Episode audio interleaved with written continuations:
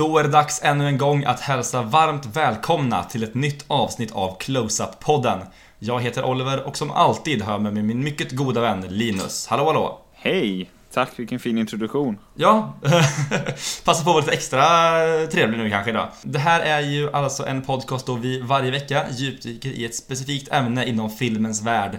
Det kan vara till exempel en eh, speciell film, en skådespelares karriär eller någon regissör vi tycker är extra intressant att prata om. Och denna veckan ska vi ju prata om inget mindre än Keanu Reeves-filmen Speed. Eller hur Linus? Keanu Reeves mästerverk Speed. Ja men så kan man tycka. Jag vet inte varför jag sa det som att det var han som rec- eller, eh, regisserade den. Eh, det gjorde han inte men Nej, det är ju en film av det lät ju eh, så. John DeBont, hans eh, regidebut faktiskt. Eh, Mm. Men innan vi går in på den eh, diskussionen om Speed så finns det några saker vi ska ta upp. Dels är det ju att vi finns på sociala medier. Vi finns på Instagram och Twitter under Close-Up Podcast. Och vi finns också på mail att nå där. Då är det closeuppod gmail.com. Alla de här uppgifterna finns också i beskrivningen till den här podcasten. Eh, sen är det också lite nyheter. Vi har ju bland annat en ny, eh, vad kallar man det, omslagsbild, eller vad säger man? Eh, till, Ja, det kan eh, man kalla det. Ja, till den här podden.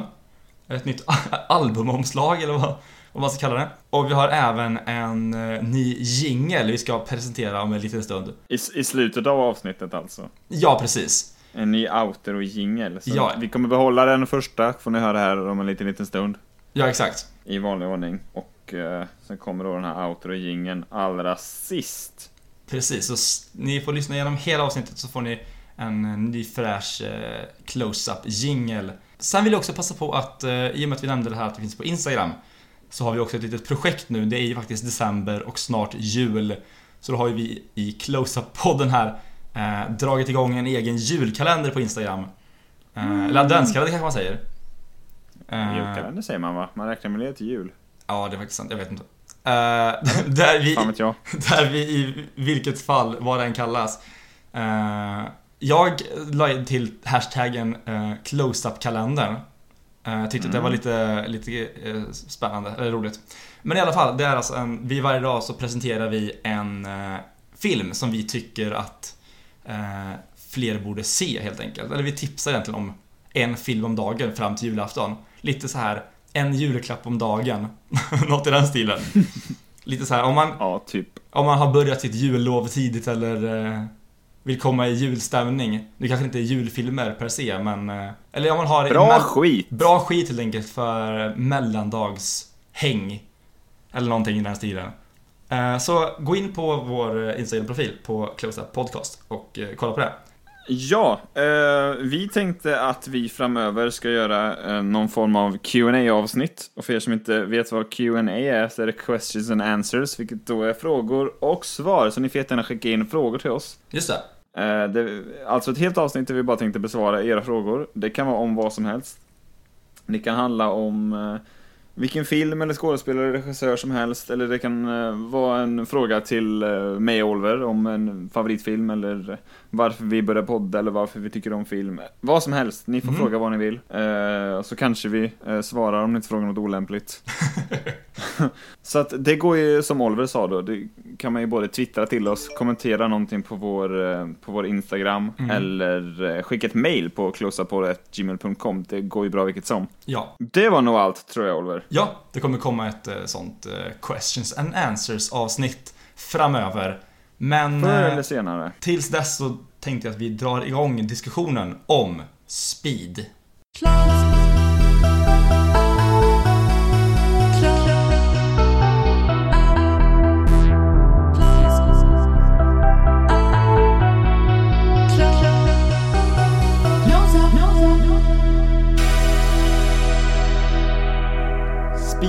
Keanu Reeves i huvudrollen släpptes ju då eh, 1994. Ett år som ju brukar nämnas som bland de bättre åren i filmhistorien. Där eh, ju Speed har sällskap av succéfilmer som eh, Forrest Gump, eh, The Shawshank Redemption, Lejonkungen och inte minst Pulp Fiction. Och eh, filmen regisseras av eh, Jean de Bont och i eh, huvudrollen då ser vi då Keanu Reeves med biroller av Dennis Hopper, Sandra Bullock och Jeff Daniels först och främst. Mm. Eh, Oliver, jag brukar ju fråga dig vad du har för relation till Speed. Ja. Först vill jag fråga dig om du har sett Speed 2, Cruise Control. Nej, jag har inte gjort det. Eh, Ja, okej. Jag tänkte, jag kom att tänka på det när vi satt där och skulle börja spela in. Det hade varit jävligt roligt om vi hade sett Speed 2 också, båda två. Eh, Det hade jag- varit roligt för podden, men tråkigt för oss tråkigt för våra, för våra liv tror jag. Den är ju eh, Verkar det som. en uppföljare som är, eh, vad ska man säga, väldigt, fick väldigt dålig kritik. Eh, så jag har inte sett den, men den har ju alltså enormt eh, lågt i IMDB och eh, Rotten Tomatoes eh, score och grejer. Eh, Utan att så här ha, alltså utan att ha sett den då, eh, som vi nämnde så, är det ju bara så märkligt, för Keanu Reeves är inte med i den. Nej. Och man kan ju då tänka sig att så här, säg att Keanu Reeves hade varit med igen, då kan man tänka sig att det hade varit typ så här som i Die Hard 3, att Hans Grubers lillebrorsa typ så här vill ha fucking hämnd typ. Ja. Man sa okej, men det, det hade man så här, okej, det känns som en eh, rimlig ursäkt för att få tjäna lite pengar. ja. Men, men Keanu Reeves är inte med, utan det är ju någon annan polis, tror jag, eller någon annan eh, cool kille i alla fall, som spelar huvudrollen. Ja. Eh, som är då Annie, eller Sandra Bullocks karaktärs nya pojkvän. Ja. Och det, kän, och det känns, så är det bara en slump då att Annie har fastnat på den här båten? Ja, ah, det är samma premiss fast på en båt då, i Ja. stora drag. I tvåan. Eh, cruise control. Jag, jag gillar ju ändå, alltså jag gillar ti- titeln på något sätt. Jag fattar bara inte om man inte kunde casta Tom Cruise i huvudrollen. Alltså hade de Nej. gjort det så hade jag ju sett den en gång om dagen. Liksom. Har, du, har, du, har du sett den någon gång? Nej, nej, nej. Vi, bara- men vi snackar skit om den eh, ändå. Det, nej. Jag bara tycker den är så himla märklig. Det finns ju ingen som vill hämnas på Annie direkt. Nej men det är väl lite så här, alltså Så haj... det måste ju bara vara en slump, eller? Ja men det är väl lite Hajen 2 varning Jag har liksom. inte, se, jag har inte sett Hajen 2. Nej, men men alltså- är, är det bara en, Jag måste kolla om det bara är en slump. Att hon råkar vara på den här jävla båten. Det måste det ju vara. Ehm, men som så, det, fin- alltså det brukar ju vara lite den typen av uppföljare som inte alls är eh, kopplade till eh, ehm, till, eh, till vad ska man säga, första filmen i den, så här, den uppföljare till är ju Mm. inte o, helt ovanligt. Det finns ju till exempel en, en uppföljare till American Psycho bland annat. Eller som heter Heter den American Psycho 2 bara, kanske? Det finns en uppföljare till Deadpool också. Så, ja, men jag tänkte, men den typ American Psycho um, har ju en, är det inte Mila Kunis som spelar eh, huvudrollen tror jag? Och det är också så här. Jag har ingen aning. Det har ingenting som American Psycho att göra. Finns ju en uppföljare till uh, Donnie Darko också, som vi pratade om innan vi började spela in podden, så pratade vi lite om Donnie Darko. Och eh, det finns en uppföljare som som heter S. Darko, eh, om hans syster. Eh, Är den grym eller? som tydligen ska också ska vara, jag, jag har inte sett den, men som också tydligen ska vara väldigt, väldigt dålig. Eh, och liksom, det är väl så att, alltså, vet du det, en filmskapare då, en regissör eh, och producenter har gjort en film som blir väldigt så här dragit in mycket pengar. Och sen så kommer, och så är det typ en studio som äger rättigheterna till filmen. Eller eventuellt en Mm. producent. Och som bara skiter i totalt i liksom originalvisionen. Och bara så här, nu har jag, jag har den här, eh, alltså jag äger rättigheten till den här filmen då. Så jag, jag kan, om jag vill göra en uppföljare. Och så gör de det utan liksom någon kreativ input från originalskaparna. Och det är sällan det blir bra. Det finns säkert något eh, bra exempel på eh, undantag där. Men generellt sett så Så- eh, brukar det vara så att sådana filmer är stinker. En annan film som inte borde ha uppföljare som har det, Ja. det är ju, eh, vad heter den? Eh, Jagad, eller The Fugitive med Harrison Ford. Jaha, har den uppföljare? Ja, som jag tror heter US Marshal. Jaha. Där eh, Tommy Lee Jones då gör sin roll igen, som han vann en Oscar för, Jaha. i Jagad. Mm. Också jävligt märkligt. Eh, för att bara förtydliga lite det du sa om Deadpool, är att du syftar väl på eh, Once upon a Deadpool, om jag inte är helt ute och cyklar? Nej, jag syftar på Deadpool 2. Jaha, men vad fan. ja, att den är dålig menar du? Ja, precis. Fast det är ändå så här, jag tänker den faller inte något riktigt samma, det är bara en dålig uppföljare. Nej, jag vet. eller ja, Jag enligt, vet- enligt jag- mig då en svagare uppföljare, om man ska vara lite, lite varsam. Ja, jag vet. Jag ville bara gnälla lite på att den var Ja. så dålig. Och så pratade vi lite om den innan, så jag kommer att tänka på det. Men, det eh, kommer ju en, en, eh, vad ska man säga?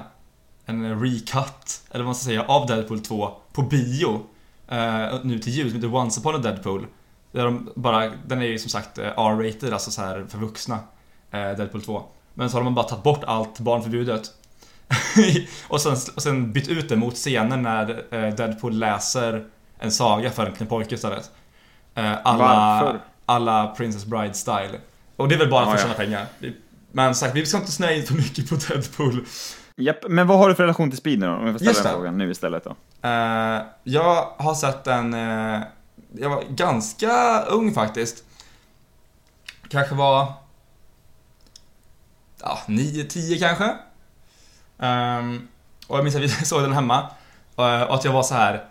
Det var så spännande liksom. Det är det som jag, det är min stora takeaway från filmen är att så här. Det var så jävla spännande att det var så här, det blev jobbigt liksom hur spännande det var när de är på rampen och ska hoppa med bussen typ och så, det så här. Hela den sekvensen är så här.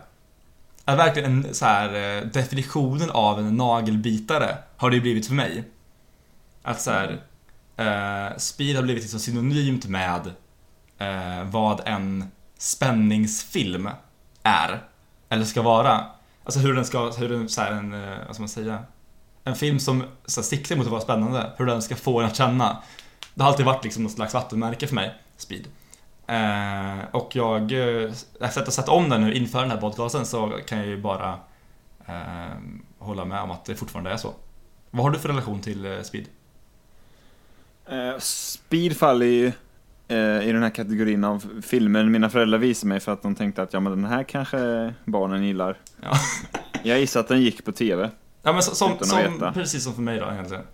Och så såg de att ja men den kan vi se ikväll, det blir ju kul för ungarna liksom. Okej, ja det blir väl bra. Eller så köpte vi den på DVD, jag vet inte. Vi har haft den på DVD i alla fall så jag har sett den väldigt många gånger. Det här är en av de filmer jag har sett allra flest gånger i mitt liv tror jag. Jaha, okej. Det är en sån där film där jag vet liksom eh, vad klockan står på när Keanu Reeves kollar på klockan. Jag vet att den är 08.05 och att bussen har nummer 2525 liksom. Ja okej. Det är en sån ja. film. Eh, så, eh, ja, jag såg väl då tyckte väl antagligen väldigt mycket om den eh, första gången. För att jag minns att jag, det var typ en grej ibland i min mellanstadieklass. Att vi efter skolan gick hem till mig, drack te och kollade på Speed. och här var jag alltså 11 år. Det är, det är någon slags, eh, vad ska man säga? Så här barnvariant av så här test och häng och så här, dricka bärs och kolla på Die Hard. Och sen går det här, kolla Ja. på te och dricka, kolla på... Så här, Kolla dricka på te, dricka Speed. Ja. Ja. eh, det är det roligaste jag har hört. Ja, men det, ja, det, det, låter är, som- kul på många, det är det- kul på många nivåer. Det låter som en så här, alltså, det låter som en jävligt good time också, så det är inte så här.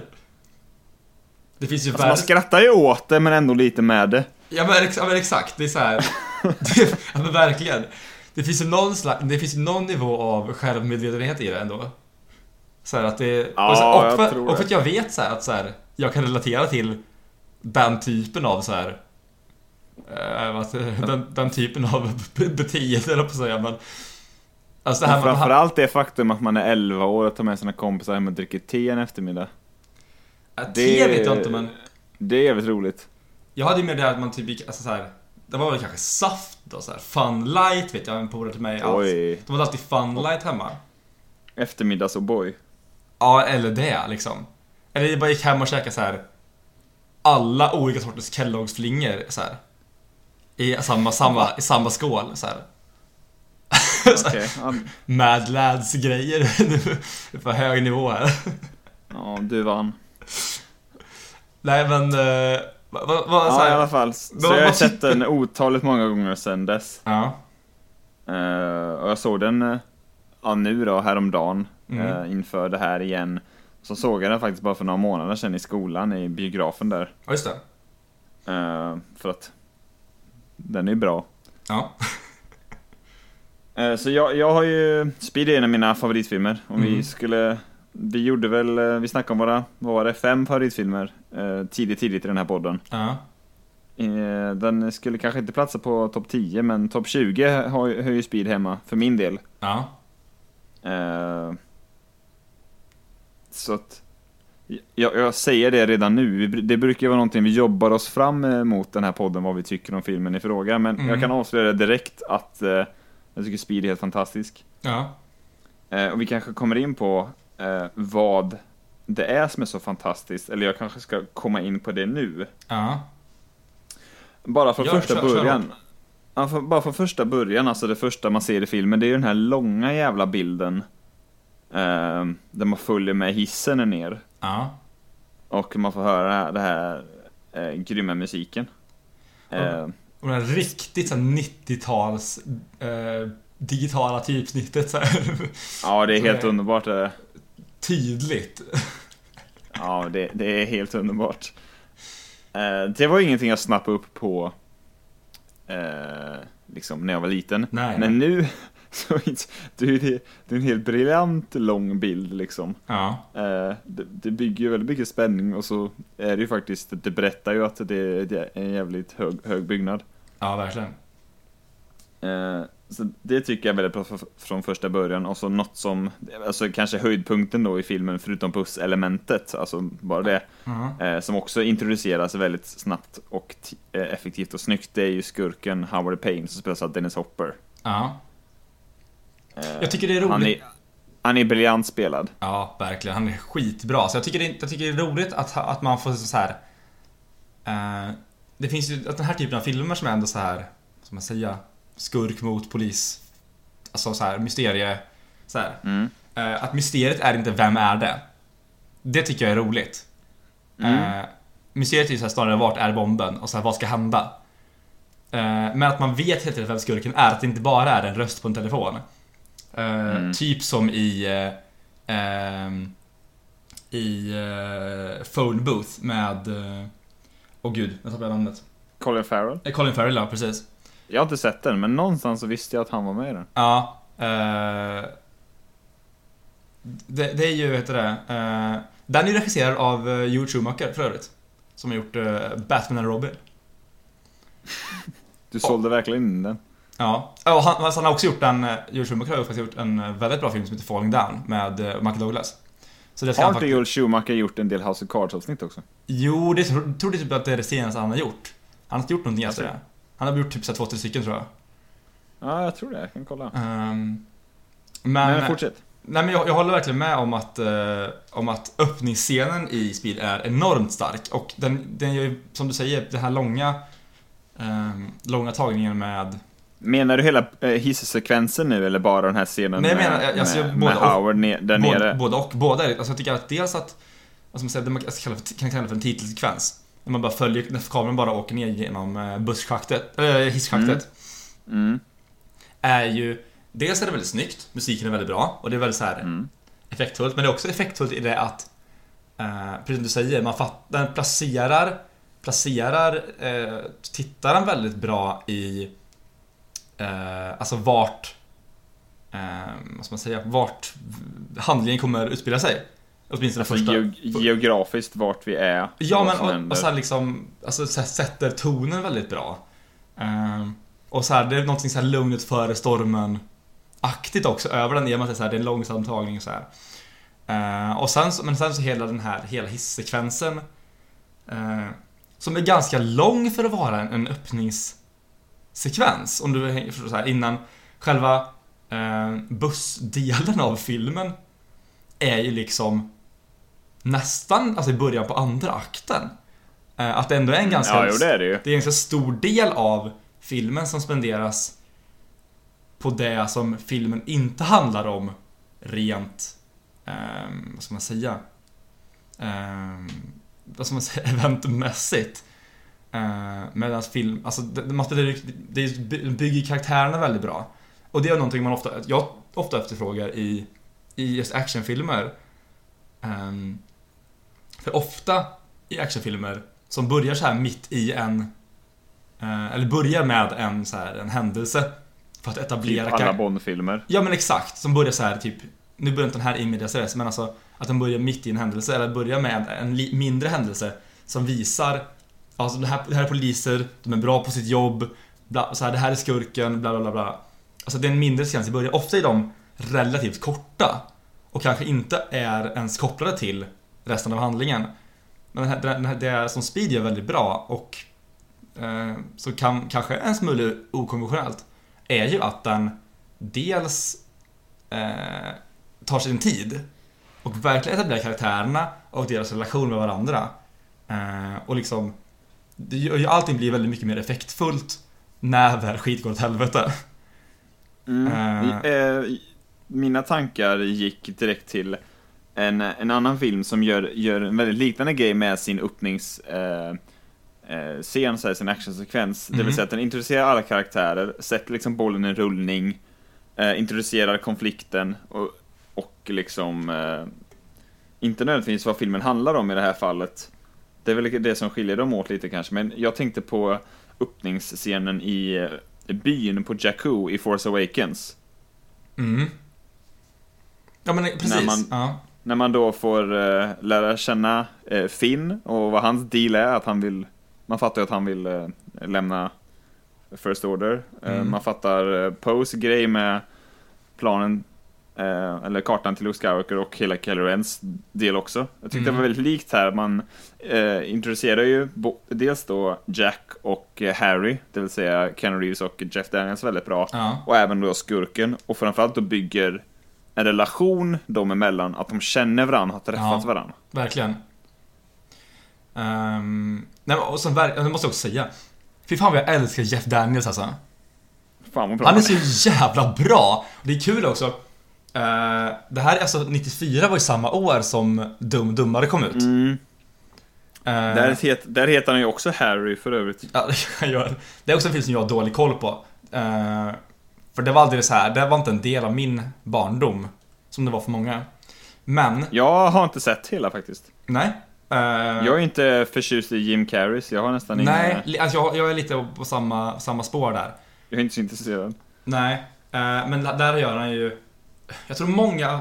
Alltså för mig var det så att jag såg ju den, den det var ändå en tidig film jag såg av honom. Uh, Vilken då? Dum Dummare. Ja. Så för mig, och så här, där han hade en stor roll liksom. Så för mig, Mm. jag, jag tror att i, i, länge tänkte jag på honom som liksom en komediskådis, men han är ju verkligen inte en komediskådis. Alltså Dum Dummare är verkligen ett, står ju ut bland hans roller i det att det är en, att det är en komediroll liksom. Eh, han, han är fantastiskt bra i dramatiska roller. Jag såg eh, The Martian igen ganska nyligen. Ja. Fan vad han är bra där också. Han är ju alltså, han är skitbra, han spelar lite liknande, inte liknande roll kanske, men så här lite åt det hållet i, eh, i Steve Jobs som också kom 2015. Den är också ruggigt bra. Men också en film som jag såg i år för Mm. första gången är Looper, där han är rätt läskig också. Ja. Så eh, alltså... Verk, Underskattad skådespelare. Men det verkar, han är verkligen så här en... Eh, om man ska ha alltså en stabil... Eh, stabil supporting skådis. Så känns ju Jeff Daniels jävligt go-to för mig alltså. Ehm, han gör ju verkligen den, den typen av, ska man säga, någon slags auktoritär... Eh, auktoritär karaktär väldigt, väldigt bra. Ehm, jag vet inte, jag bara gillar honom väldigt. Jag blir alltid så glad när jag ser honom i filmer. Han, han, Vad tycker du om... Ja, fortsätt. Nej, jag bara skulle säga att jag gillar honom. Vad skulle du säga? Ja, Ja, jag håller med dig som sagt. Men vad tycker du om Keanu Reeves? Han är ju en, en skådespelare som blandar och ger väldigt mycket, är han ju känd för. Mm. Eh, Det här, här var han ju het, han hade ju slagit igenom de, eh, dels då med Bill and Ted som väl kom något år innan, Mm. några år innan, det kom väl sent 80-tal till och med. Ja, det stämmer. Eh, och då även eh, tre år tidigare kanske främst eh, som actionstjärna liksom, när han gjorde Point Break Mm. med, eh, vad heter hon, Catherine Bigelow? Ja, och eh, Eller Patrick av Swayze. Catherine Bigelow. Patrick Swayze, ja. Mm. Men, men vad, vad, vad tycker du om Keanu Reeves som skådespelare och hur tycker du han gör, gör sig, eh, eller gör ifrån sig i den här filmen? Uh, alltså jag var lite blandat med Keanu Reeves. Alltså jag gillar honom väldigt mycket. Uh, sen skulle inte jag säga att han är liksom en toppskådis på något sätt. Uh, han är ju verkligen... På, alltså, på många sätt så har han har ju en, viss, en, väldigt, en väldigt egen stil. Och vilket kanske inte tilltalar alla och kanske inte funkar i alla roller. Eh, det finns ju några sådana här, vad heter den här jävla eh, Dracula-filmen han är med i? Eh, jag sett den för Är jättelänge det sedan. där han är en skurk? han, han, han har ju en sån här jättedålig brittisk eh, eh, dialekt liksom och det är så här väldigt pajigt. Um, och jag vet inte, han, han har liksom en slags, slags eh, ibland blir det ganska platt, tycker jag. Men när det är väldigt bra eh, så är det väldigt bra. Till exempel i då eh, Speed, eller typ första Matrix-filmen, är också skitbra. Alltså roller som funkar, hans typ av skådespeleri funkar, passar honom väldigt bra. Då är han liksom, när han är castad rätt, eh, är han väldigt bra castad. Eh, och så Mm. blir det väldigt bra liksom. Eh, en annan, alltså på senare år så är det ju de här John Wick-filmerna stick ut i mängden också. Som Ja. några av de bästa actionfilmerna. Både ettan och tvåan tycker jag, på senare år. Ehm, de är någon slags, eh, vad ska man säga, eh, amerikansk The Raid-variant ju. I såna så här, alltså actionfilmer som är, vågar vara, vad ska man säga, utan att låta pretentiös. Alltså, bara, försöka vara, vara mer action än, alltså, De är väldigt actiondrivna kan vi väl säga. Ja, och så här det här med alltså, det är mycket, mycket stuntjobb. Slagsmål. Ja, men det- ja, mycket det är så- slagsmål. Ja, men och så här, alltså att stunten är bra att så här, alltså fokus ligger på ehm, på de, alltså den mänskliga prestationen snarare än specialeffekter och explosioner. Och Ja. Eh, men det, så det, det uppskattar jag väldigt mycket med dem. Eh, men sen är han även bra i, eh, alltså han har varit med i mindre roller, till exempel den här eh, Nicholas Winding Refns eh, eh, senast... Nerve? nej, Nerve, inte han. Eh, Neon, Nej, jag blandar ihop den. Jag Neon- blandar ihop Nerve och Neon Demon igen. Jag menar Ja. Neon Demon. Neon Demon. Eh, med Elle Fanning. Där har han en liten Mm. roll som en eh, hotellägare typ. Så här väldigt nedtonad liksom så här eh, performance, vilket är väldigt bra. A Scanner Darkly han är också skitbra i. Alltså en viss typ av roller passar honom väldigt, väldigt bra. Eh, och jag, men jag skulle ändå säga att Speed är en film som eh, jag tycker att Alltså han, det på något sätt etablerar väl ändå honom som eh, som actionhjälte typ. Eh, och jag tycker att det är en väldigt... Jag tycker att han är skitbra i den här filmen. Samtidigt tycker jag inte att han... Han är, han är inte den här, alltså den, han är inte ty... Alltså, så, han är inte ty, urtypen för en action skådis heller egentligen tror jag. Ehm, Hur menar du då? Menar du nej men han är när alltså det kommer till här, actionbitar eller rent eh, karismatisk? Nej, lite karismatisk, karismatiskt liksom. Han är inte det här... eh, han är liksom lite, alltså lite mer... lite, alltså han gör sig ofta bra i de lugnare delarna liksom, som inte är så... ehm, vad ska man säga? Ehm, jag vet inte, jag bara säga, det är någonting som gör att han så här, han känns inte som en typisk action hjälte. Det kanske är karisman som du säger, så här, att det är just så här Samtidigt som man har någon, någon slags, jag vet inte, det är någonting tilltalande med honom. Men det är inte den här ty typiska liksom... Eh, det finns något nedtonat och kanske lite mer realistiskt i, med honom. Eh, Han är ju inte som liksom John McClane som springer runt Nej och men precis, exakt. drar skämt. Han är ju verkligen inte rolig på det sättet. Nej, exakt. Även om, han är, även, även om han är lite våghalsig på samma sätt som John McClane, eller sådär, han fattar ju en del märkliga beslut som Det- ändå går med honom och sådär. Ja. Eller han är ju liksom eh, på det sättet. Men Ken Reeves, alltså han känns, nu när du säger det, så, han känns nästan mer ibland som en skurkskådespelare. Ja. Som typ är såhär någon som eh, Danny Craig måste slåss mot i Bond. För att ja. Christopher Waltz har skickat Ken Reeves på honom. Ja men, ja, men, Ja, men- lite åt det hållet faktiskt. Jag vet inte, jag har svårt att artikulera exakt vad som... Vad jag menar, men det är någonting som liksom får mig att tycka att han inte är... Äh, vad ska man säga? Alltså han, är, han är, känns inte som en filmstjärna, förstår du vad jag menar? Nej, han är ju lite tråkig på ett sätt, eller platt liksom. Ja, men... Och, och han, han är inte jättebra, jättebra på att prata. Eller så, han gör... Nej men alltså, nej, jag förstår exakt vad du menar. tyvärr. Han gör sig ju eh, bra i... Han är ju väldigt bra. Lite som vi pratade om när vi pratade om Hayden Christensen. Mm. Att han är väldigt bra i det fysiska. Och då menar jag inte bara att han är bra på att slåss och hoppa liksom. Att han... han jag tycker han spelar bra med ansiktet och, Mm. och, och kroppen och sådär. Men ibland så låter han väldigt tråkig när han pratar. Men han, ja, men det är nå- någonting med liksom det här, det muntliga ut, framförandet som är... Alltså, som- jag säger liksom inte att det är dåligt på något sätt, men det, vad ska man säga? Det sticker ut gentemot andra skådespelare som har den typen av roller som han har. Ja, det är lite intressant nu för han har ju fått en roll i Toy Story 4. Ja, just det. Det var ju Som röstskådespelare. Mm. Eh, vi får väl se. Men, eh, alltså, jag tycker att, eh, att han är bra i den här filmen, absolut. Verkligen. Men, han- men han känns, eh, han känns liksom inte outbytbar. Det känns som att någon annan skulle kunna spela hans roll. Mm. Eh, eller ganska många andra skulle kunna göra samma roll som han gör, om du förstår Ja, vad jo jag men menar. absolut. Som man känner med kanske till exempel då Dennis Hopper eller i viss mån även Jeff Daniels, även om eh, Jeff Daniels handlar mycket om hans kemi med just Ken Reeves. Ja.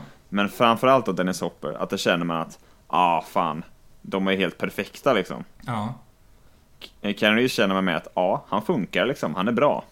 Eh, Mm. om du förstår skillnaden. Han känns inte riktigt lika klockren. Jag skulle även säga han då att, gör bra ifrån sig. jag skulle även säga att Sandra Bullock är jävligt, eh, alltså, svårutbytt i den här rollen. Jag vet inte om du håller med, men jag tycker i alla fall det. Att Alltså, hon- det, var kul, det är kul att du nämner det, för jag tänkte på den här, tänkte på det nu när jag såg den eh, häromdagen. Alltså, Mm. första gången har- har jag tänkt på det att, fan, eh, förutom den här filmen, hade jag inte sett Speed när jag var liten, Mhm.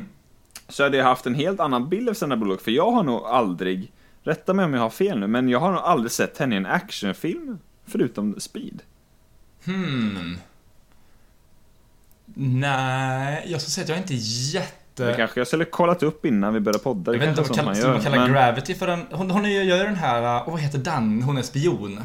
Jag har inte sett den. Miss Secret Agent. Ja, exakt. Eller Ja. menar du den hon gör med, eh, vad fan heter hon? Melissa McCarthy. Nej, den är också med. Uh, Vad är det den heter? heter den inte The Heat. The Heat, ja? Den är ju, alltså jag vet inte, den är väl tekniskt sett en actionfilm, men jag ser den främst som en komedi. Ja. Uh, jo men exakt. Och sen, jag vet inte, kan man kalla... eh, kan man kalla Gravity? Finns ju action... Det är inte en actionfilm. Det är väl att det finns actionsekvenser i den. Ja, och dessutom så tror jag inte ens hon gör hälften av actionsekvenserna. Nej, det var väl väldigt mycket... Eller så. Nej, ja, så, exakt. Nej men det, det, Eh. det håller jag verkligen med om. Alltså, så här, det, hon är inte så här en actionskådis på det sättet. Och Eh, men det, hon är hon, är ju ingen actionhjälte i filmen heller. Men alltså det bara slog mig att mm, den här typen av roller är, nu har inte jag sett alla hennes filmer. Nej. Eh, Så om det är någon som säger emot nu så skriv det i så fall, eller tipsa om någonting. Men jag hade sett henne i en liknande roll. Nej. På senare år har hon ofta spelat en så här, ja men så här, hon får lite så här, hon spelar mamman. Liksom, det är klart också för att hon är äldre, men mer dramatiska roller, vi snackar Extremely Loud and Incredibly Close till exempel, eller Ja. den här, vad heter den, The Blind Side. Mm. Var, var det den hon vann Oscar för? Det var det va? Jag är faktiskt, då, jag kan, jag är faktiskt dålig på... Uh, Jag tror Sandra det. Bullock. Jag tycker att hon är... ehm, jag tyckte hon var väldigt bra i Oceans 8, faktiskt. Väldigt, väldigt bra. Jag tycker alla skådespelare i Ocean's 8 var bra faktiskt. Ja, det verkligen. var ju helt klart en höjdpunkt med den filmen. Ja, verkligen. Men eh, jag tycker Sandra Bullock är väldigt, väldigt bra. Jag vet inte om jag skulle kalla henne outbytbar, men jag tycker hon är Nej. väldigt klockren och är väldigt naturlig i rollen. ja. Hon är ju väldigt, väldigt bra. Ehm, det här känns ju verkligen som en, en roll som gjorde henne till en ännu större stjärna. Liksom. Mm, verkligen. Det går ju inte att förneka riktigt. Men Nej. vidare då i casten, vi har ju inte så jättemånga eh, egentligen. Men jag vill bara nämna två favoriter. Det är han som eh, spelar eh, deras, eh, deras, jag vet inte, är det deras chef kanske man säger? Ja, Captain typ, eller vad hon är. Är. Ja, precis, han? Mac. Ja. Som spelas av Joe Morton. Han är ju så jävla klockren. Jaha. Störtskön ju. Ja, Han är riktigt bra. Och så gillar jag Glenn Plummer som spelar eh, eh, han, han som eh, har den här dyra Jaguaren, den bilen. Ja, precis. Ja. vad, vad, är det, är vad är det står på han äh, vet du det, äh, regnumret? Så är det Tune Man. Tune Man, ja. Så jävla bra. Det är Det också, är, det är han, Glenn Plummer, det är han som spelar ehm, i The After Tomorrow är han som spelar uteliggaren med hunden. Jaha. Vad heter hans hund? Sus? Heter den Sus? Ingen aning. Fan, fan om han heter Sus, då är jag king. Jag Ska tror han heter Sus. ska du googla vad hunden heter nu? Ja, det ska jag. Men, Men, eh, ja okej, tjej, han, vad heter han? Alan Ruck som spelar eh, den här, eh, eh, vet du det, turisten på bussen Ja. är ju väldigt rolig också. Ja, han är ju väl kanske framförallt känd för att vara med i uh, Ferris Bueller's Day Off. Spelar ju hans kompis. Uh, Ferris Buellers kompis i den eh, filmen. Rätta mig om jag har fel, men visst är han en sån skådespelare som dyker upp i väldigt mycket olika så här, tv-serier? Ja, men precis. Alltså, han är väl en skådespelare som har eh, all, inte haft huvudrollen kanske någon gång. Eh, riktigt. Eh, och om, om man har alltså, inte riktigt slått. Han har varit en sån skådespelare som så här, jobbar väldigt mycket men aldrig haft kanske en stor film, om du förstår vad jag menar. Ja, jag fattar. Eh, Men som ofta så dyker upp liksom i massa olika Han är bland annat med, jag, jag nämnde ju det tidigare, eh, Speed är regisserad av John DeBont Ja. Och hans nästa film efter Speed var ju Twister Tornado-filmen Aldrig sett. eh, Och där är han ju Ellen Rook med också. Den är faktiskt eh, eh, helt okej, eh, Twister. Eh, Okej. Tycker jag. Det är med, med Helen Hunt och Bill Paxton. De är så här jagar, så här storm chasers heter det i USA. De jagar här, tornados typ. Eh, Han den- hette inte Zeus, han hette Buddha. Jaha. Men det var ändå något slags, eh, något slags, något, någon religiös eh, mytologisk koppling Ja, ju inte, det var inte, nä- nära nog får jag säga. det var inte, ja, men det var inte den värsta gissningen jag hört i hela mitt liv liksom. Nej, det var... Det var ja, ja, Finns det skitsamma. någon Men annan hund som heter Zeus menar du? Är det det du tänker på? Det är det säkert, men eh, den bästa hunden är ju in, från In- Independence Day, Boomer. är det filmhistoriens bästa hund? Boomer, ja. Lassie kan dra åt helvete. ja. Fucking Airbud också. Oj! Shots fired Ja. mot Airbud alltså. Men nu när vi nämnde, eh, vi snöar ju lite in på, eller jag snöar in på, eh, de här medpassagerarna på bussen. Ja. Vad tycker du om dem? Uh, alltså jag vet inte, inga jättestarka känslor om dem. Jag tycker att det är...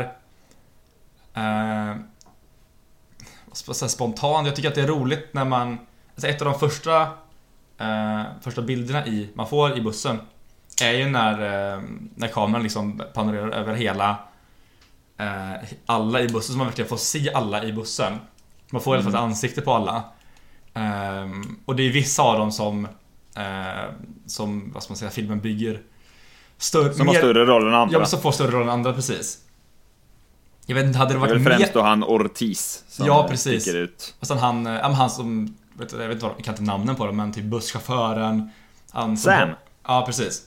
Han som håller, han som hade pistolen. Eh, och sen så är det väl någon mer.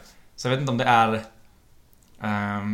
ha, tror du att det hade varit mer, alltså hade det varit bättre eller sämre för filmen om man... Om det hade varit färre karaktärer i, på bussen. Fast där alla hade haft liksom en, ändå en prominent roll. Jag kan inte Jag tror det hade känts sämre. Ja. För det känns som att mer står på spel om det är en full buss. Men sen så tycker Ja. jag att det känns rimligt att man bara fokuserar på vissa. Som till exempel då hon Helen som då försöker hoppa av. ja, exakt. Vi har han Ortiz, vi har eh, han med pistolen då som inte är med så mycket förutom typ det han gör med pistolen. Sen Nej. är han knappt med mer. Nej, och så är han turisten. Eh, och turisten. Och så är det ju en kille till där som eh, har några repliker som är med eh, lite grann. Mm. Annars så, nej, jag, jag tycker det känns väldigt bra eh, lagd ribba liksom. Ja. Eh, busschauffören är ju helt underbar. Jag älskar ju när han, när han hör Annie, eller Sandra Bullocks karaktär då, Ja. ropa i början. Han fortsätter köra lite till bara för att hon ska få springa. Ja men det är så här, det är som filmen, men eh, verkligen en av filmens stora styrkor. Förutom det vi redan har pratat om, eller du nämnde det lite grann i början. Det här med eh, relationerna mellan karaktärerna.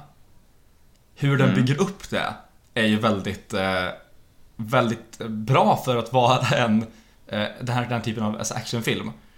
Eh, Det här med att man får verkligen en, man får verkligen en relation liksom till, eller man förstår relationen mellan de olika karaktärerna menar jag. Eh, som relationen mellan, alltså alla på den här bussen verkar ju typ känna varandra. Eh, vid namn Ja, några, liksom. styck, några stycken i alla fall. Ja, ja men exakt, väl- de som spelar roll. Eh, eller Ja. man, man märker liksom att det här är personer som känner varandra, eller har i alla fall åtminstone någon slags relation till varandra. Eh, vilket gör alltså att, att, när händelser i filmen får större eh, få, alltså väger tyngre på något sätt. Ja, alltså många verkar ju känna busschauffören, eller man får ju Mm. känslan av att de åker med den här bussen och busschauffören varje morgon Ja liksom. men exakt. Eh, och det, det tycker jag är effektivt. Mm. Ett, ett, ett effektivt grepp. Något annat jag tänkte på, som handlar lite om det du pratade om förut, det här med att eh, eh, jag tycker det är skönt att man vet vem är den här mördaren då, eller bombaren eller terroristen eller Ja. skurken, vad ska jag kalla honom? Mm. Att man vet vem det är. Mm. Jag tycker också det är väldigt skönt att man avslöjar fort att han lever efter hissekvensen. Ja men exakt, verkligen. Att man direkt, det är ju scenen efter man får reda på att han lever, och man får ingen förklaring till det heller. Och det- ger ännu bättre, det ger liksom ännu mer mystik.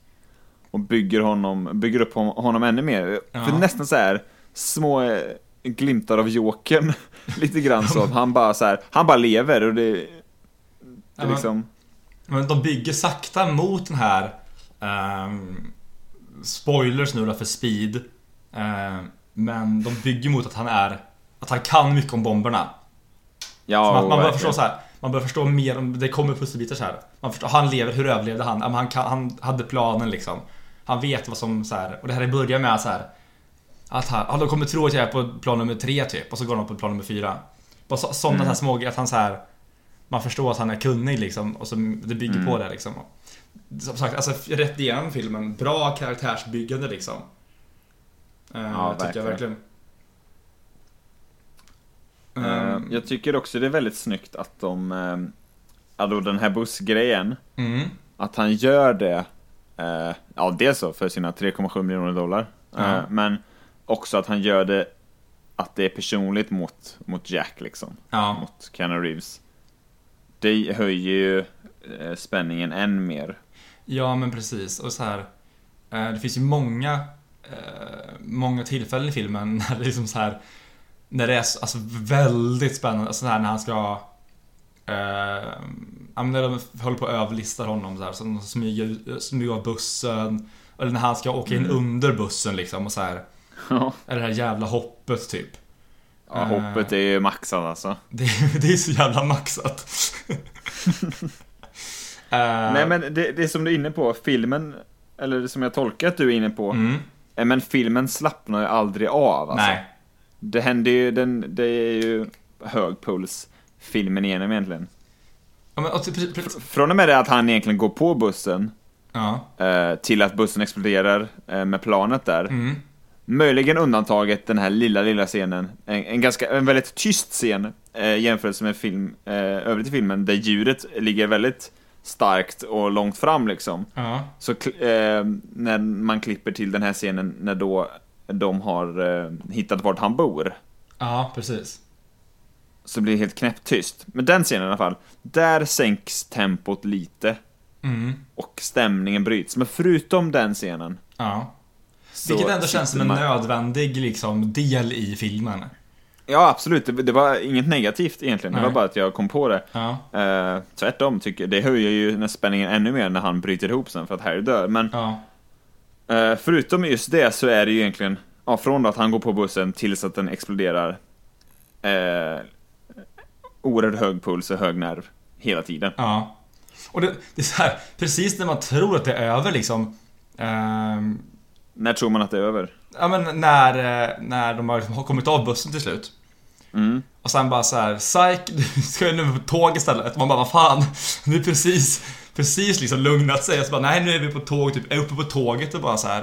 Och det är så jävla liksom kaos. Bara, att tågresan tar slut. Man bara, vad fan är de bara liksom på, varför kör de på ofärdiga liksom vägar och tågräder? Vad fan håller de på med liksom? Ja, den berömda fjärde akten som var jävligt het i Hollywood på 90-talet. Ja, precis. Det är likadant med Air Force One. Ja, exakt. När, när, när de har löst det helt plötsligt så, här, så är det en jävla 20 minuters flygplansscen så här från ingenstans. Ja, Det var väl egentligen någonting som Alien gjorde till en norm nästan, Alien och Aliens. ja, Eh, men då den sista, the final showdown, när man egentligen trodde att det var, det var klart. Med Mm. då, ja, drottningen i Aliens och, och ja, ja den enda alien i, eh, i den första. Mm, precis. Men det var ju någonting som, eh, det var ju, det var ju obligatoriskt ett tag på 90-talet. Ja, men precis. Um, alltså man pratar ju ofta om, om det är någon som inte har, har koll, så pratar man ofta om eh, en treaktsstruktur i de allra flesta filmer. Eh, liksom slags... I alla fall de allra flesta såna här äventyrs Ja, actionfilmer. men- ja, men precis. Alltså en, Så är det ju generellt så. en introduktion, en stor, del, en, en stor del av andra akten då. Eh, och sen typ avslutas med en konflikt. Och sen så en tredje akt där konflikten lös, löses. Men som är populärt då kanske typ på, eh, som du sa, på 90 90-talet. Eh, och som även Alien de gjorde, är ju att det kommer då så här, när man tror att allting är löst, att det kommer en, en, någon slags typ av fjärde akt. Där det blir så här ännu mer bananas liksom. Eller saker går ännu mer fel. Eh, Ja. så det, det, det, och det tycker jag att den här filmen gör. Sånt kan ibland kännas så här eh, o. Att man bara säger fan är det mer liksom? Men det är en film som bygger så starkt mot spänningen. Där allting är liksom så här, vad ska hända härnäst? Så känns det på något naturligt så här. allting är gott, det går ju bara åt helvete. Eh, och det skulle nästan vara så här ovärdigt om det fick vara så enkelt, förstår du vad jag menar? Att så här, man Ja. bara, det är, så här, det är klart som fan att det inte är löst liksom, bara för att de kommer av bussen. Det måste finnas någonting mer. Eh, Det, jag, jag håller nästan med dig, Ja. eh, 100%. Det jag kan invända lite mot, och det jag kan tycka är tröttsamt, åtminstone nu när jag ser filmen eh, nu för tiden, Ja. jag tycker nu, det är att eh, jag gillar tåg, tåggrejen Ja. och att eh, de dödar honom där nere. Men vad jag, in, vad jag dock stör mig på, Mm. det är det här att tåget måste gå sönder de inte kan stanna det och att det blir en grej att de måste köra, att de måste spåra ur och det. ja, jo absolut. Det hade jag klarat mig utan. Det är så här. Man tog ju kanske lite, lite, lite för långt. Om du, är det så du tänker? Jo, lite så och för att man hade så bara, ah de klarar sig med bussen, fan vad nice. Ja. Ja, de klarar sig och dödar honom, fan vad nice. Och bomben har inte exploderat, de har kopplat loss den allt, alltså Mm. som Annie har eh, på sig liksom. Ja. Det är så här. Dels då så blir det lite tröttsamt igen, alltså jag tänker bara så rent tempomässigt ska man engagera sig snabbt som fan i ett nytt problem. Ja.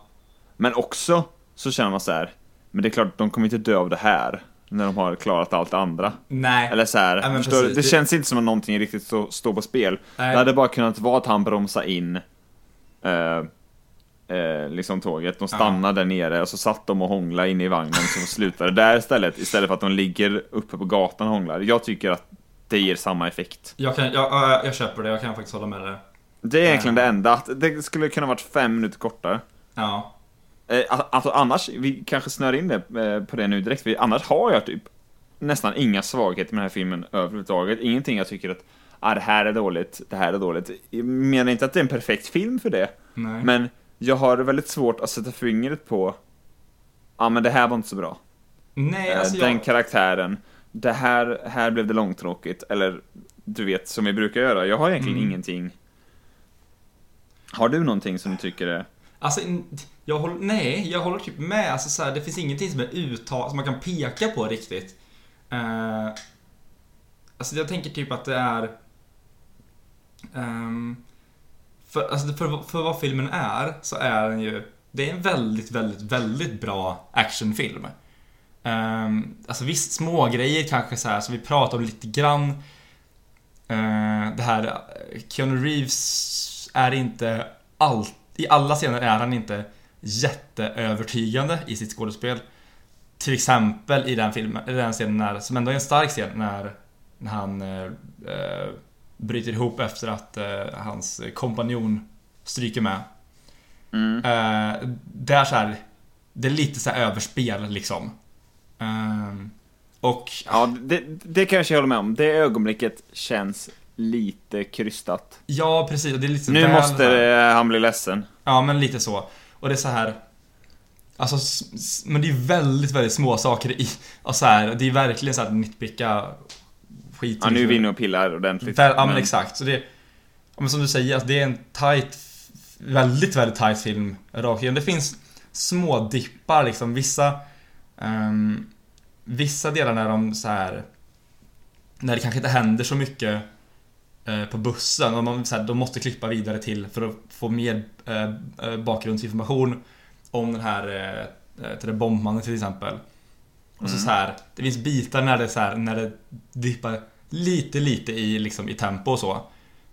Eh, men det finns liksom Ja, du ingen... menar att det inte flyter lika väl? Nej, men det, är bara, eller? och då, men det är bara kanske någon scen och sen så är det Sen så är det tillbaka liksom, så det är inte så här att det finns partier av filmen som, som dalar. Eh, så jag vet inte, jag tycker bara att det är en, det är en jävligt, jävligt bra actionfilm liksom. Eh, Riktigt jävla bra. Ja. Eh, jag måste dock nämna något, något mer som jag tycker är fantastiskt bra, som vi inte varit inne på än. Nej. Vi har varit inne, jag tror vi nämnde förut, vi kanske inte nämnde det, men jag nämner det nu. Vi nämnde förut att, att filmen är rätt rolig ändå, att det är en bra balans så. Mm. I ton är den ju ganska mycket som Die Hard. Eh, nu när vi ändå är inne på det. Det påminner väldigt mycket om Die Hard. Så här, Ja. man, det, det har väl snackat... Det är med. Den här, jag lovar, den här, någon, många har säkert kallat den för så här, Die Hard på en buss. Det måste folk ha Säkert. kallat den för. Det är det också, men i ton så är den ju ganska lik Die Hard. Jag tänker det är ganska mycket Mm. skämt, den är rolig, man skrattar mycket liksom. Ja. Eh, men jag vill verkligen då sätta fingret på att jag tycker att dialogen i den här filmen är jävligt eh, rolig. Speciellt då eh, Dennis Hopper har ju jävla massa roliga repliker. Mm. Jag älskar den i början när han spränger bromsarna på hissen. Don't fuck with daddy, säger han. För sig själv också. Ja. Det är helt fantastiskt. Och så gillar jag den, det är lite så här politisk kommentar. Mm. Eh, när Sandra Bullock, eller Annie, säger att eh, det, det är väl när han eh, förklarar vad fan, eh, vad fan det är som pågår med bussen och allt det här. Ja. Och då säger hon ju What did we do? Bomb the guy's country or something? Ja, pre- precis. Det är också, det är ju väldigt bra eh, replik på väldigt många plan. Ja. Eh, vet du vem som skrev då enligt uppgift 97-98% av all dialog i den här filmen? Nej, ingen Utan aning. cred. Nej, ingen aning. Joss Whedon. Nej, är det sant? Japp. Han, han dyker ta mig fan upp överallt. Jajamän. Ja, jag tror fan att vi har nämnt Joss Whedon i varje close-up avsnitt typ. Men, Han nära på i alla fall. ja. Eh, utan cred då så skrev han om nästan, nästan all dialog i filmen. Jaha, okej. Och gjorde även små ändringar rent, stru- rent strukturellt och lite ändringar då, eh, läste jag någonstans, eh, i eh, Jacks karaktär, eller Keanu Reeves karaktär. Jaha. Dels då för att anpassa den lite efter Keanu Reeves när han blev castad. Mm. Det är väl naturligt, det är någonting jag antar nästan händer på varje eh, eh, film och Ja. varje manus Verkligen. eh, i liksom någon omfång. Mm. Eller utsträckning heter det, omfång är något helt annat. I, i, någon, I någon utsträckning tror jag det sker. Mm. Eh, men också då ändrar han lite, lite små grejer och ja, gan, lite struktur och sådär. Ja. Eh, the more you know. Ja men alltså det är roligt med typ Vi kommer aldrig behöva göra ett avsnitt om Joss Whedon för vi har pratat om alla hans så här, Allt han har gjort i olika andra så här, andra podcast liksom. Mm. Det är så här, eh, ja nej men det är kul, det är roligt. Alltså, ja, det är, Har vi pratat om Serenity? Vi måste snacka om Serenity någon gång. Jag har inte Det sett det Serenity. Ah, den borde du se, det, den är cool. Alltså Serenity är en, av- en av de få Nu ska jag vara eh, försiktig med orden här så jag inte eh, gör, gör bort mig men en av de få rymdfilmer från 2000-talet jag inte har sett. Varför skulle du göra bort det för? Nej men jag tänker så här att det finns säkert många jag inte har sett. Ja, jo, jo. Men, Ja. eh, som folk kan bara säga, den här har du inte sett. Men, eh, så här, science fiction och speciellt då så här, rymdfilmer är ju min, abs- min absoluta favoritgenre. Ehm, och jag, jag har nog sett när på alla. Anledningen till att jag inte sett Serenity är för att den är baserad på eh, en tv-serie som heter Firefly. Och jag vill se den serien eh, innan jag ser Serenity. Så här är det, Tim. Det finns ju en... Eh, nu kör vi här. Eh, jag fortsätter med Joss Whedons snack. Ja, Men absolut. nu, eh, det finns ju en säsong Fi- Firefly. Mm. Och den blev ju då eh, cancelled efter det. Ja, Och precis. Serenity är en uppföljare och avslutning på serien. Ja, exakt. För er som inte vet. Och, men också eh, gjorde de då en snygg kompromiss att eh, själva avslutningen på, på serien, eller, då, Mm. eller alltså filmen, om vi vill kalla det säsong två kan vi kalla det, Ja. bara för att. Eh, så gjorde de den ganska fristående, att den kan stå på egna ben samtidigt då som den avslutar, eller alltså fortsätter säsong, eh, historien från säsong ett. Ja, men precis. Eh, så att jag har inte sett Firefly, Nej. eh, men jag tycker mycket om filmen Serenity ändå. Ja. För att man får till exempel, man får all karaktärsintroduktion och, och så vidare i filmen. Ja, men absolut. Jag tror bara att det är för att jag vill- vill se serien också. Och bara så här, Mm. tänk att jag vill kika på den först. Eh, det är intressant. Jag tror, inte, jag tror till och med att de, eh, jag vet inte vad, vad jag säger man, uh, la ner serien alltså innan alla avsnitt hade sänts på TV. Jag tror inte att Det alla, ovanligt dumt. jag tror inte att alla avsnitt ens sändes på TV. Jag tror att typ så de sista avsnitten eh, kom bara liksom ut när man släppte den typ på DVD. Eh, om jag inte är helt Mär- ute och cyklar så tror jag att det var så. Märkligt. Märkligt. Men Ehm, vet du vem som spelar skurken i filmen? I Serenity? Ja. Nej? Chiwetel Ejiofor. Bra. I en Bra- cool skurkroll. bra skådis. se Serenity ni som inte har sett den. Ja. Det inkluderar Eh, mig ska då. vi runda av, ja precis, ska vi runda av Speed kanske? Det kanske vi kan göra. Det känns att vi har, vi har berört mycket av det som finns att prata om. Ja, är det någon, är det någon innan, innan vi stänger, Mm. eh, stänger diskussionen helt, är det någonting du bara känner att fan det här är skitbra, det glömde jag näm- nämna, eller tvärtom? Eh, nej, kanske lite tekniska bitar. Man kan ta upp, om vi har inte nämnt det tror jag, att den vann ju två eh, Oscars, den här filmen. Ja, precis. För bästa eh, ljudmix och bästa ljudklippning. Eh, vilket det är inte de största kategorierna, men det, jag tycker ändå det säger någonting, för det är någonting man... Eh, alltså om man, om, om man tänker på det, så märker man att det är väldigt, väldigt bra eh, ljud i filmen. Och du nämnde det lite grann det här in tidigare med, eh, med typ när det blir tyst i en viss scen och man tänker på det så här att ljudet spelar en stor roll. Eh, och även tycker jag att alltså, övriga tekniska aspekter av filmen är, är jävligt bra. Alltså alla de här praktiska effekterna, explosionerna och så vidare eh, är jävligt eh, är jävligt tuffa liksom och se- ser väldigt bra Mm. ut. Filmen håller alltså rent tekniskt väldigt, Rent väldigt tekniskt bra. håller den väldigt, Den väldigt bra. känns Och- ganska och- tidlös på något sätt, förstår du vad jag menar? Ja, jag förstår precis. Och eh, musiken vill jag då faktiskt trycka på igen, att Mm. musiken är väldigt, väldigt bra. Mm. Eh, vad, vad är din slutdom om Speed då? Um, alltså, jag bara upprepar det jag sagt tidigare.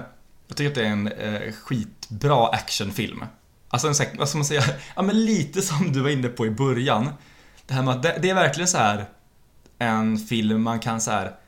Ja, man drar hem några polare, dricker en kopp te i soffan och kollar på speed. Det är verkligen, ja men verk, ja, det är verkligen den typen av film. Så här, om du så här, om man ska ha eh, Om man bara säger jag vill se en bra film Kanske vi, så här, om, några- om några polare bara säger ska vi se en bra film typ ikväll? Då kan man sätta Mm. på speed liksom. Fuck För att det är, så här, det är en liksom Garanterat eh, crowd pleaser på något sätt. Ja, men det är lite så, den är väldigt lätt tillgänglig. Ja, verkligen. Det känns som en film som att, så, här, så, så, så kan man inte säga, men det känns som en film som att, det, det är väldigt svårt att inte gilla den på något sätt. Mm, ja, men verkligen. Jag har väldigt svårt, jag har väldigt, ja, men jag har väldigt svårt att se att någon så här. Eh, nej, den är inte sevärd. Jag tyckte den var dålig, jag tyckte den var tråkig. Även om man inte tycker om den lika mycket som jag, så tror jag ändå att Det- de det- flesta liksom får, får ut någonting av det på någon nivå. Ja, ja men verkligen. Och som sagt, det finns, någon, det finns någon slags tidslöshet i den s- som actionfilm liksom. Eh, Ja, och så, samtidigt så har den den här extremt den, inte bara att den, att den är kompetent och välgjord och tight, men den har, har ju den här extremt coola, alltså originella idén med en bomb på en buss. ja. Det kommer ju alltid vara en bra idé. Ja men, ja, men alltså så här, jag vet inte, jag är också ett fan av filmer som utspelar sig på bara en plats. Nu fin, alltså, det finns ju mer kända, men just det här med att det centrala liksom är eh, som one location. Det tycker jag ändå Mm. så här, eh, jag är stort fan av det. Men det här är ju verkligen en film som man säger att man så här, ja men som du sa, om vi ska se en film med kompisar. Ja. eh, Så här. Det här är en film som man kan sälja in bara på premissen. Så okej, jag vill se Speed. Uh, Jaha, vad, vad handlar den om då? Ja, det handlar om en bomb på en buss och de måste köra liksom över, vad är det, 50 km, eller 50 miles per hour. Ja. Det är väl Och- 80 km i timmen. Ja, exakt. Eh, annars exploderar eh, bomben liksom. Och alla bara bara, såhär, fan ja. vilken bra grej. Ja men, liksom, det, ja, men det låter ju liksom coolt. Ja. Det låter ju spännande. Mm, där, Eh, min slutdom i övrigt är väl att eh, inte bara eh, som du säger att eh, det är en väldigt, väldigt bra actionfilm, tycker jag att det är en, väldigt, väldigt bra film, punkt. ja. Egentligen oavsett om det är en actionfilm eller inte. Jag tycker att den håller ju då eh, än idag och är ju faktiskt en, en actionklassiker och man måste väl säga att det är en av de mest framstående actionfilmerna från 90-talet. Nu har inte jag sett alla så jag kan inte säga att det är den bästa, men det är en av de som generellt har eh, kanske bäst rykten. Mm. Det är väl den och några till, till exempel The Rock eller Matrix. Ja. eh, och så vidare och så vidare. Eh, och jag tycker att den är mm, ännu mer imponerande som en regidebut. Absolut. Eh, extremt imponerande. Det, det nämnde vi kanske inte, men han John DeBont var ju fotograf på Die Hard. Ja, precis. Det, det, det är väl naturligt kanske Och att det en finns eh, likheter. rad andra actionfilmer. Mm. Eh, och de... Eh, det läste jag också häromdagen, det kan jag flika in. Eh, för jag var färdig med min eh, slutdom där, att de, eh, när de fick manuset, eller fick idén, eller hur det nu var, Ja. så... Den är lite snodd förresten från en japansk film som heter Bullet Train, tror jag, som kom 75. ja, just det. Det, Som är typ samma, det känner jag också som är typ samma grej, fast på tåg. Ja, det känner jag också igen när du säger det. Eh, I alla fall så eh, gick de ju till, eh, vad heter han nu då? John McTiernan som regisserade Die Hard och Mm. Predator och ja, massa mer. Och frågade om han ville göra filmen, men han var inte så sugen. Nej. Eh, det kan vara så att han tyckte att det var flick Die Hard. Jag kanske hittar på det, men jag vill minnas att jag läste något citat. Ja. Men han rekommenderade då i alla fall eh, John DeBont som han då är jobbat med som fotograf. ja, kul. Så ja, eh, lite häftigt. Eh, Eh, men där då stänger vi diskussionen om speed. ja, precis. Elvis has left the building, så att säga. Ehm, ja, det gick ju bra det där. Ehm, inga missöden. Nej. Eh, nästa vecka, vad ska vi prata om då, Oliver? Jo, då ska vi prata om ingen mindre än en av mina absoluta favoritskådespelare, nämligen Jake Gyllenhaal. Mm. Vi kommer göra liknande som vi har gjort när vi pratat om tidigare skådespelare i den här podcasten. Att vi gör någon slags... Eh, vi gör nedslag egentligen i hans, eh, i hans karriär. Eh, på de filmer vi tycker känns värda att lyfta. Han är en skådespelare som har haft eh, en hel del varierande typer av roller. Ehm, så det ska bli väldigt kul att prata om honom. Ehm, så det, det kommer vi göra nästa vecka. Det är Ehm, väldigt spännande. Det är kanske någon som sitter och tänker nu, ha, ni har ju bara tagit unga skådespelare så att det inte är så många filmer att hålla koll på. vi tar Tom Hardy, Anne Hathaway och eh, Gyllenhaal. Ja. Det är väl ingen fler va? Nej, det är det inte va? Nej, det är lika vi tog JJ Abrams. Fem filmer. Precis. Men i alla fall, det slog mig. Om vi någonsin skulle göra en liksom, äldre skådespelare, Ja. de som spontant känns som vi från början har bäst koll på, Mm. borde vara Gary Oldman eller Harrison Ford. Ja men det, det känns... Det känns rimligt tycker jag. Möjligen Kate Blanchett. Ja, men Hon, är så inte lika gammal. som de heller. Nej, han skulle inte kalla det som en Hon är gammal. någonstans mittemellan eh, Harrison Ford och Jake Gyllenhaal, skulle Ja. jag gissa på. Men anledningen är väl egentligen att vi vill kunna, när vi lyfter upp eh, Alltså ämnena vi pratar om Vi vill ju ha så bra koll som Mm. möjligt eh, Och vi har ju Ja, liksom och så- begränsat med typ tid och resurser att Kolla Ja, in liksom sig. 100 filmer om, om Samtidigt så skådis. har vi också i bakhuvudet att vi någon gång kommer prata om förmodligen Gary Oldman eller Harrison Ford. Eller vi kommer prata om Martin Scorsese någon gång. Som Ja då men är, absolut det, det, man kan säga samma sak om, fast eh, på regissör istället. Att, Precis och vi, och, visst, vi skulle kunna göra som vi gjorde med Steven Spielberg med Scorsese, eller vem som Ja. helst. Men min poäng är att vi har ju det lite i bakhuvudet och kanske då successivt eh, nöter ner Scorsese tills vi då är redo. Ja, alltså vi är väl ändå, jag skulle ändå säga att både du och jag är, vi är relativt unga i vår filmtittar, vårt filmtittarliv om man ska uttrycka det så. Det finns ju Mm. ändå alltså luckor bland, ja men bland, dels bland klassiker och även liksom i, eh, i filmkarriärer eh, som behöver fyllas, som kommer fyllas med tiden tänker jag. Så, Men också blir det så här att vi börjar ju någonstans, som du har liksom snöat in dig på eh, science fiction-filmer. mm, Jag vet inte om jag har snöat in mig på något särskilt så, nej. men det blir så att man fastnar för någonting och sen så leder det vidare, vidare, vidare typ. Alltså Ja. jag, det är så här, jag har sett Tron Legacy fem gånger, men jag har inte sett fucking Gudfadern sen jag var nio liksom. Nej men precis. Eller så här, det, det finns ingen logik i det riktigt. Nej. Mm, äh, Med detta sagt så är ni liksom väldigt välkomna att bara skicka in förslag, förslag, förslag på vad vi ska prata om. Ja. Vi tar gärna förslag. Och när ni ändå skickar in förslag så kan ni då också, jag påminner igen om eh, vårt eh, qa avsnitt vi kommer ha någon gång framöver. Mm. Det är inte riktigt, det är ju planering och sånt eh, såklart som vanligt. Men att skicka in då frågor och tankar. Som sagt, ni kan fråga oss vad ni vill så försöker vi svara på det. Mm. Det går ju att mejla på closeuppod.gmail.com eh, Podd med 2D och så heter vi Closeup Podcast på både Instagram och Twitter. Och man kan skriva lite vart man vill, det är inte så noga. Nej, precis. Eh, Det var väl allt för den här veckan va? Ja, det var allt för veckan. Så eh, till nästa vecka så får ni kika lite på olika Jake Gyllenhaal-filmer. Eh, om ni vill hänga med lite extra i eh, eh, nästa veckas podd. Det är som sagt inget, alltså det är inte som ett krav, men of, det händer att vi går in på spoilers. Vi kommer gå in på spoilers kan vi säga direkt. Ja. Egentligen. ehm, så det kan ju vara bra att hänga med, men man, det är som sagt inget krav för att lyssna. Du, säg att man inte har sett så många Jake Gyllenhaal-filmer, eller kanske inte någon alls, eller man bara sett en. Ja. Whatever. Du som har sett i princip allihopa. Ja. Inte nödvändigtvis de som är bäst, eller hans bästa liksom, insatser, men skulle du kanske säga två, tre stycken, eh, eller skulle du vilja säga två, tre stycken, Mm. som kanske de här är de essentiella Jake Gyllenhaal-filmerna, här ska man börja. Ja. Om man ehm, bara vill köra en liten crash course, eller säga en eller två, eller du förstår vad jag menar? Ja men absolut. Eh, jag skulle verkligen, alltså bara för att få lite bredd i det också. Så skulle jag, så skulle jag vilja säga dels då en, den filmen han slog igenom med, som är Donnie Darko 2001. När han fortfarande är en ung skådespelare. Ehm, och sen skulle jag även säga uh, Nightcrawler. Eh, som är nog, alltså den, som jag skulle säga är hans bästa uh, roll hittills.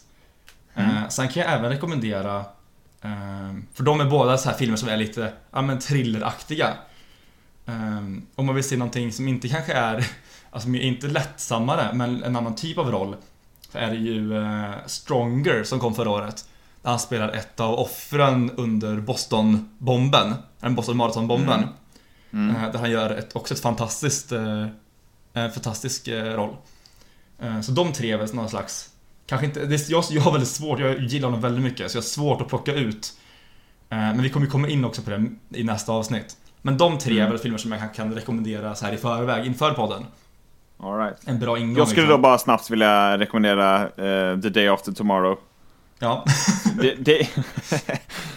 halvt på skämt, halvt på allvar. Nej, men Ja. det är en ganska rolig film. Nej, men eh, det som är lite roligt är att det- det sticker ju ut lite i eh, hans filmografi. Det är ju filmer han generellt inte har gjort så många av. Nej. Och dessutom väldigt tidigt i hans, i hans karriär. Så men vill man se en eh, rätt kul actionfilm, eller Mm. vad det är, kat- katastroffilm, kan Ja, det, precis. Så kan man se den också. Den finns nog på Netflix dessutom, lättillgänglig för er Ja. som håller på med sånt. Eh, och sen så eh, vill jag även påminna om vår julkalender på Instagram. Om ni har eh, idétorka kring vilka filmer som ni borde se under julledigheten så kika in på vår Instagram på Up Podcast för att få lite inspiration. Eh, filmer som vi verkligen, eh, verkligen tycker är sevärda. Men eh, därmed då säger vi väl tack och adjö för den här veckan. Mm. Eh, skriv till oss och kolla på Jake Gyllenhaal så hörs vi ju nästa vecka. Ja, det gör vi verkligen. Tack för att ni har lyssnat. Hej då! Hej då!